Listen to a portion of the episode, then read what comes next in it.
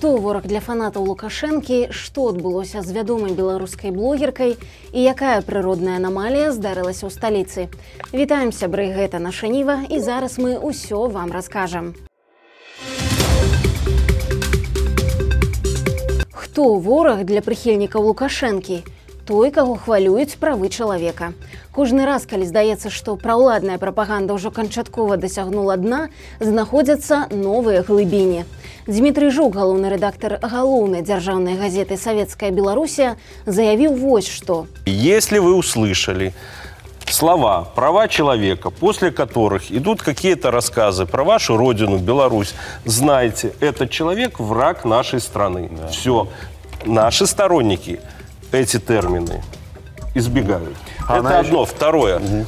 посмотрите вот сегодняшнее демократия, права человека, я еще раз повторю и еще много раз буду повторять, это те инструменты, чтобы нас заставить себя чувствовать ущербными. Угу. Как только мы начнем себя чувствовать ущербными, мы становимся уязвимыми. Поэтому не нужно на это реагировать. Это настолько видовочно дико, что любые комментарии тут залишние.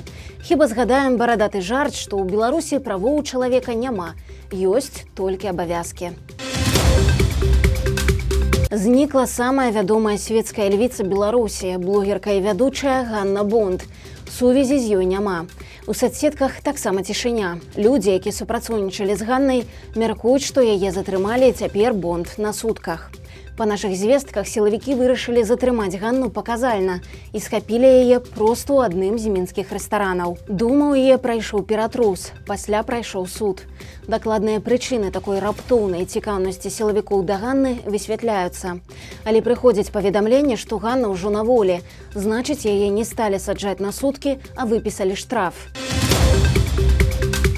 Важная падзея ў нашых суседзяў. У нядзелю ў Польшчы прайшлі выбары ў парламент. На іх кансерватарам з кіруючай партыяй права і справядлівасць супрацьстаяў апазіцыйны блок на чале з дональдам тускам які быў польскім прэм'ерам з 2007 по 2014 гады большасць галасоў набіраюць кансерватары але гэтага можа быць недастаткова бо калі апазіцыйныя партыі агулам змогуць заняць большасць месца ў парламенце то яны аб'яднаюцца і змогуць прызначыць урад і прэм'ер-міністра а гэта будзе значыць адыход Польшчы ад сённяшняга радыкальна-кансерватыўнага курсу. Пакуль падлік галасоў яшчэ ідзе, дакладныя вынікі невядомыя. Паралельна з выбарамі праходзіў рэферэндум наконт мігрантаў у сцяны на мяжы з Беларусю.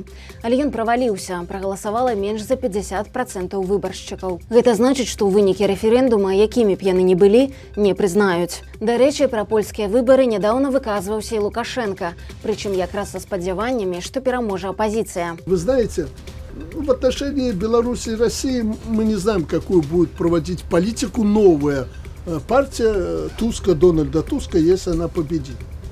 Ну, исходя из логики, надежда всегда есть, что эти понятно, как себя ведут и будут вести, а как будут вести те, надежда какая-то есть, что они все-таки голову в руки возьмут и будут работать на то чтобы наладить отношения. Але ж тут хочется яго расстроіць калі лукашенко радуецца перамозе апозіцыйнай коаліцыі то дарма. Бутуск яшчэ большы прыхільнік палітыкі аб'яднанай Еўропы А як Еўропа ставіцца до лукашэнкі усе мы добра ведаем. Хто вінаваты што беларусы ўсё менш нараджаюць канечне захад Прынамсі так лічыць віцэ-прэм'ер Ігар Петрышенко. На канферэнцыі прысвечанай дэмаграфіі Петрышенко заявіў цытата праз безадказнае правядзенне ў жыццё так званай ліберальнай палітыкі захаду мы з'яўляемся сведкамі бяздумнага разбурэння базавых сямейных прынцыпаў пабудовы і жыццядзейнасці грамадства. Канец цытаты. Іншых прычын чыноўнік не знайшоў. Малыя заробкі, дзікія кошты на нерухомасці крэдыты, саўдзел у вайне, гэта яго чамусьці зусім не бянтэжыць. Бяда ў оршы, больш за тыдзень там шукалі зніклага падлетка. 14гадовымі кітагламаздзін выйшаў з хаты яшчэ 6 кастрычніка і больш не вярнуўся. Пачаліся пошукі, у якіх прымалі ўдзел як міліцыянты, так і атрады валанцёраў. Цяпер стала вядома, хлопчыка знайшлі, але ён загінуў. Падрабязнасці трагедыі пакуль невядомыя. Групавыя сеансы ў КДБ для беларускіх праграмістаў. Спецслужбы працягваюць кашмарыць айцішнікаў за данаты ў незалежныя фонды. Але цяпер справу паставілі проста на канвеер. Падрабязнасці расказвае партал зеркала. Па іх інфармацыі цяпер у КДБ запрашаюць не па адным, а цэлымі групамі. Там у людзей патрабуюць падпісаць яўку з павіннай і пералічыць так званую кампенсацыю пра ўладныя фонды. Сума кампенсацыі вялікая, десятціразовы памер ад даната, але не менш за тысячу даляраў. Прасцей кажучы, пералічылі ў байсол 150 баксаў, аддавайце цяпер 1500. Пералічылі два даляры, аддавайце тысячу. Тым, хто пагаджаецца, абяцаюць цягам трох месяцаў даць паперу аб адмове ў завядзенні крымінальнай справы. У кампаніі цяпер спускаюць спісы работнікаў, якіх чакаюць у КДБ. Яўка ўмоўна добраахвотная. Гэта значыць, не хочаш не ідзі, але ў такім выпадку празрыста намякаюць на крыміналку. А ў мінскую ваколіцах сапраўдная анамалія. Божыя кароўкі масава адмаўляецца ляцець на непка і прыносіць хлебка. Гэта не жарт у сталічным рэгіёне сапраўднае нашэсце божых каровак. Тысячы насякомых займаюць дамы. Пачалося ўсё пад мінскам, А цяпер багоўкі дабраліся і да некаторых раёнаў сталіцы. Прычыны тут могуць быць розныя. Напрыклад, у цёплы перыяд выжыла больш лічынак, чым звычайна. Альбойны проста шукаюць месца для зімоўкі, а ў горадзе ім не хапае дрэва ў камень камянёў і гэтак далей. Вось кароўкі прылятаюць у чалавечае жыллё. Хвалявацца, дарэчы, тут няма чаго. Гэтыя насякомыя цалкам бяспечныя для чалавека.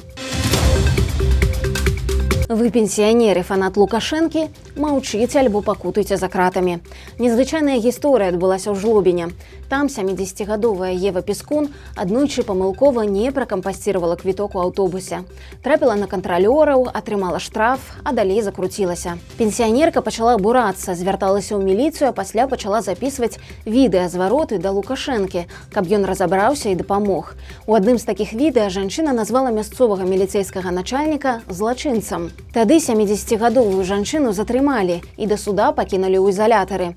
Там бабулі давялося перажыць усе тыя пакуты, якія звычайна сілавікі прымяняюць да палітычных.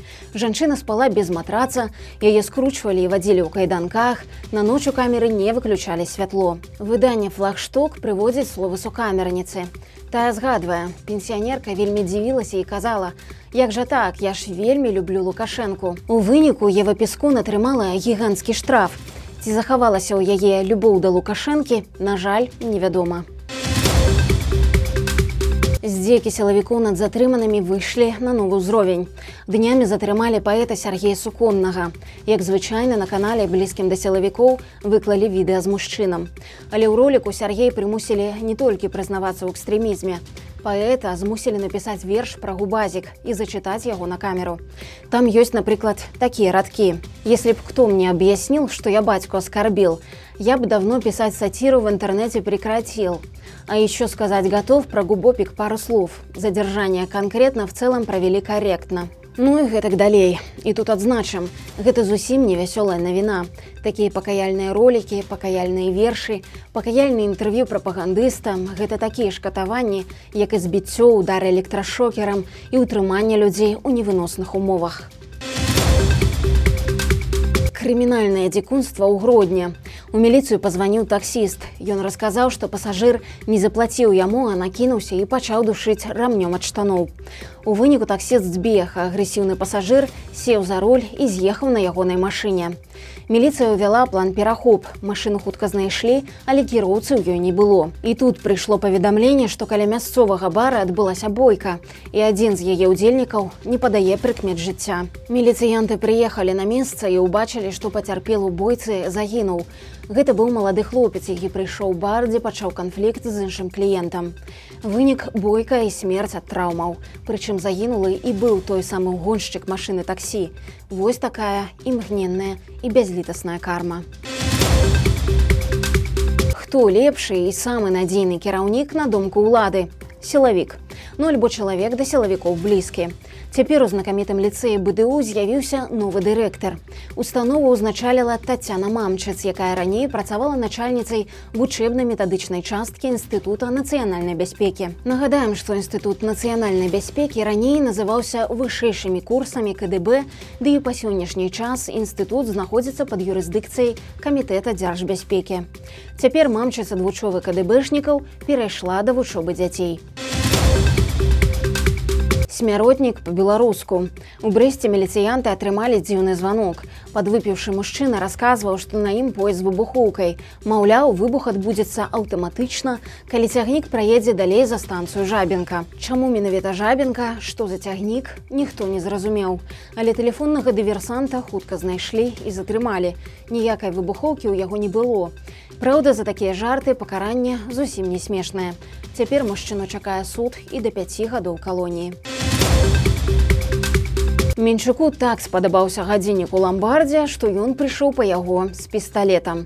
Спачатку мужчына хацеў купіць той гадзіннік, але ж не хапіла грошай. Тады ён сышоў, але хутка вярнуўся, дастаў пісталет і прыгразіў прадавачцы. Жанчына аддала гадзінніка пасля выклікала міліцыю. Мужчыну затрымалі, аказалася, што гэта 50гадовы беспрацоўны менчук. Цяпер яго будуць судзіць за рабаўніцтва. Пакарання ад трох да 10 гадоў калоніі. А ў гомелі адкрылі самы маленькі помнік у Беларусі. Знаходзіцца ён на тэрыторыі мясцовага тлушчавага камбіната і прысвечанай прадукцыі прадпрыемства, а дакладней гаспадарчаму мылу. Выглядае помнік вось так. Невялікая мыльніца і ў ёй кавалак мыла рэальных памераў. Матэрыял латунь. Вось такія навіны. Падпісвайцеся, стаўце лайки альбо дызлайкі, выказвайце свае заўвагі ў каментарах. І, канечне, чытайце нашу ніву, глядзіце нашу ніву і любіце Беларусь. Сустрэнемся заўтра.